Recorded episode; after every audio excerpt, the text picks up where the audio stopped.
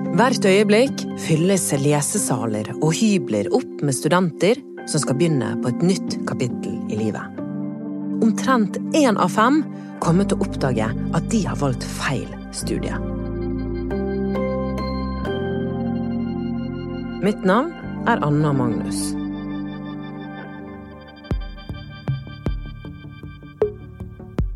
Jeg eh, kommer egentlig fra Masfjorden. Har gått på videregående i Knarvik, gjort mye forskjellig, og nå bor jeg i Bergen. Øystein Berg Dyrehovden er oppvokst helt innerst i Masfjorden. En bitte liten bygd som heter Matre, med kun 100 innbyggere. Ca. en times kjøring utenfor Bergen. Da Øystein begynte på videregående, måtte han flytte hjemmefra og starte på den mer sentrale skolen i Knarrevik. Å gå på videregående, det var et skikkelig høydepunkt i livet til Øystein. Det er så klisjé å si, men det var, det var sykt gøy. Fester, og det var vannski på sommeren, og kjørte bil på eh, marken på vinteren, og Hvem, hvem var dere, da?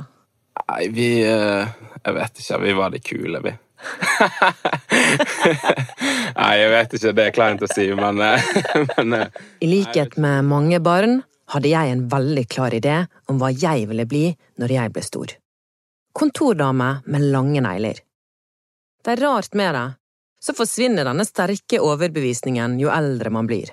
Og som meg hadde Øystein ingen snøring på hva han skulle bli da han nærmet seg slutten av videregående. Han tok seg en jobb på det lokale fiskeslakteriet på Matre for å spare opp penger.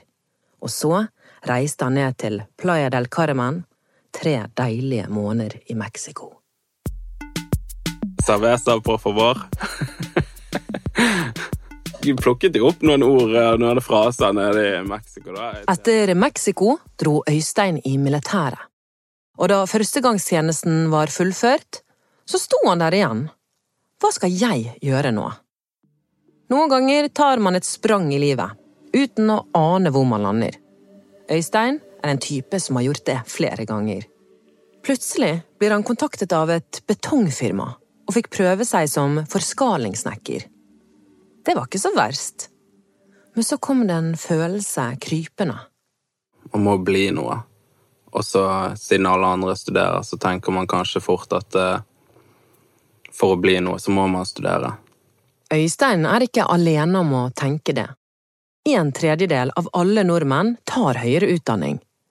Da den arbeidsomme og nevenyttige Øystein skulle velge, bestemte han seg for sosialantropolog. Altså, Grunnen til at jeg begynte på sosialantropologi, det er egentlig en venn av mine foreldre. Så det var egentlig bare altså, Spurte ikke han eller noen ting, sånn som det der. Bare visste at han hadde gått sosialantropologi, og han var en kul kis. Så da prøver vi det. Du merker lett at Øystein er en sosial fyr. Han forteller at han er nysgjerrig på både folk og kunnskap. Så dette studiet, det må jo være midt i blinken for han. Og så vet jeg det at uh, når Equinor skal uh, flytte til Kuwait eller Afrika eller liksom hvor det måtte være, sant? Så, så, så sender de ned tre sosialantropologer for å liksom kartlegge hva skal vi gjøre. Sånn. Det er meg. Om ti år. Øystein forteller at da han gikk på ungdomsskolen, fikk han lett gode karakterer. Han måtte bare følge med i timen. På videregående ble det litt verre. Men nivået han møtte på universitetet, det var han ikke forberedt på. Og så oppdaget jeg jo det når jeg begynte på studiet, at der var det mye, mye, mye, mye lesing av eldgamle artikler og skrevet på engelsk, akademisk engelsk, for andre forskere var sånn jeg leste det. At dette her er ikke laget for studenter. I hvert fall ikke første, første semester, liksom. Og så, så da bare fant jeg ut at det der, det kommer ikke til å gå uansett. Det studiet folk flest ønsker å studere, er siviløkonom ved Norges handelshøyskole. Hakk i hæl er bachelorutdanninger i samfunnsfag, juridiske fag og sykepleie. Å ta høyere utdanning i Norge har blitt populært, og i år var det rekordmange søkere. Men for Øystein ble det tungt. Når eksamensperioden kom, så kunne han ingenting. Ikke hadde han lest heller. Han sier han bare sovnet hver gang han prøvde. Men Øystein er en mann med gode ideer. Han tenkte kanskje jeg er bedre til å regne enn å lese, og tok opp realfag. Det gikk jo for så vidt greit en god stund, det, men også Jeg ga meg jo der òg liksom en, et par uker før eksamen, liksom. Det er jo helt Og jeg hadde, sikk- jeg hadde helt sikkert klart det å bestå det hvis jeg hadde villet og ikke gitt meg, da. Det der var et år der vinterferie og påskeferie falt sammen. Du har jo ikke vinterferie på høyskolen, du har leseuke, eller hva, hva, det, hva de kaller det. Det er jo vinterferie. Sånn at eh, da tok jeg to ukers ferie. Og så hadde vi en innlevering eh, sånn to dager etter påske eller et eller annet i den duren. Den leverer ikke Øystein. Dette med utdanning finner han ikke helt ut av, og vil heller prøve lykken som arbeidstaker. En venninne av moren jobber som rektor på en skole. Øystein avslutter studiene, og plutselig er han tilbake på ungdomsskolen som lærer. What? og uh, ja, det var, ja, RLE og samfunnsfag tror jeg hadde da et halvt år for åttende klasse på den skolen. Og det, jeg trivdes eh, kjempegodt. Jeg, det var kjekt, det, men eh, all respekt til lærere. Helsike for en jobb det Når man skal lage alt fra bunnen av, og så skal det rettes, og så skal det ut, og så er det misfornøyd med spørsmålene og misfornøyd med vurderingene, og så skal du faen meg sette karakterer på det òg, sant. Ja, det var, det var litt stress, faktisk. Men det var, det var veldig gøy, da. Så da tenkte du jeg skal bli lærer. Jeg skal bli lærer. Hva gjør jeg? Søker på de vanskeligste, de vanskeligste studiene å komme inn på. Engelsk 8 til 10, eller 5 til 10, og samfunnsfag 5 til 10 i Oslo. Fjerdeplass, da hadde jeg lektor i tysk på NTNU i Trondheim. Det var den jeg kom inn på. Eh, tenker lærer, lærer. Jeg vet at det er sikkert litt vanskelig. Dette er femårsstudie, og dette er mastergrad, liksom, og du skal faktisk Dette er videregående, liksom, så da upper du nivået et par hakk da fra barneskolelærer. Og språk. Alle har sagt at jeg har et godt språkøre siden jeg var liten, sant? Fulgte med i tysktimene på videregående. Nei, vi spilte Most Wanted, sant?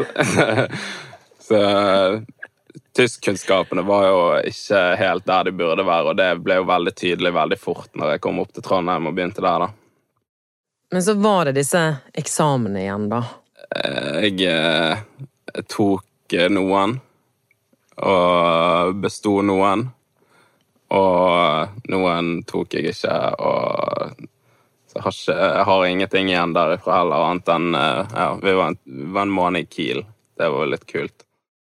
Øystein lærer seg altså ikke tysk, og blir heller ikke lærer. Han drar hjem til Matre og får seg en jobb hos Havforskningsinstituttet.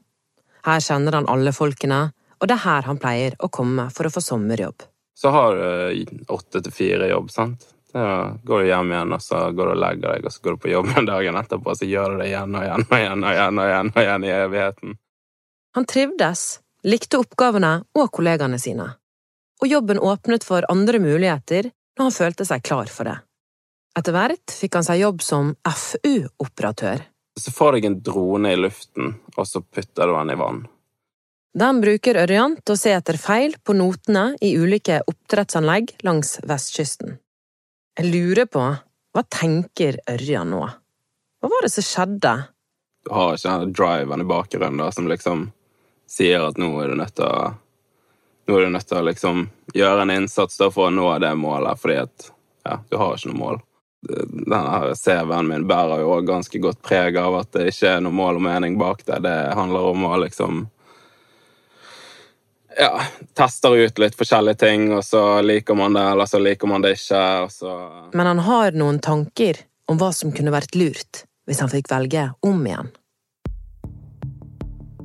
Min teori sånn til å begynne med er at hvis du går i tiende klasse og er usikker, du vet ikke hva du har lyst til å gjøre, så mener jeg helt oppriktig at da tar du det yrkesfaget som ligger nærmest noe du kunne tenke deg å holde på med. Har du en motorsykkel, eller har du en far som liker motorsykkel, eller som skrur på biler, ta mekaniker, da. Man trenger papirer på ting, da. Hvis ikke så må man være litt heldig. Så jeg har jo sikkert vært litt heldig. Eh, men eh, det kommer ikke seg sjøl heller. Man er faktisk nødt til å gjøre en innsats. Så må ikke man være redd for å ta opp telefonen og ringe om de trenger noen, eller om du kan få en jobb, eller om du kan få prøve deg. Denne episoden er laget av Anna Offstad, Arve Stigen og meg, Anna Magnus. Tips gjerne en venn om denne podkasten, om du liker det du hører.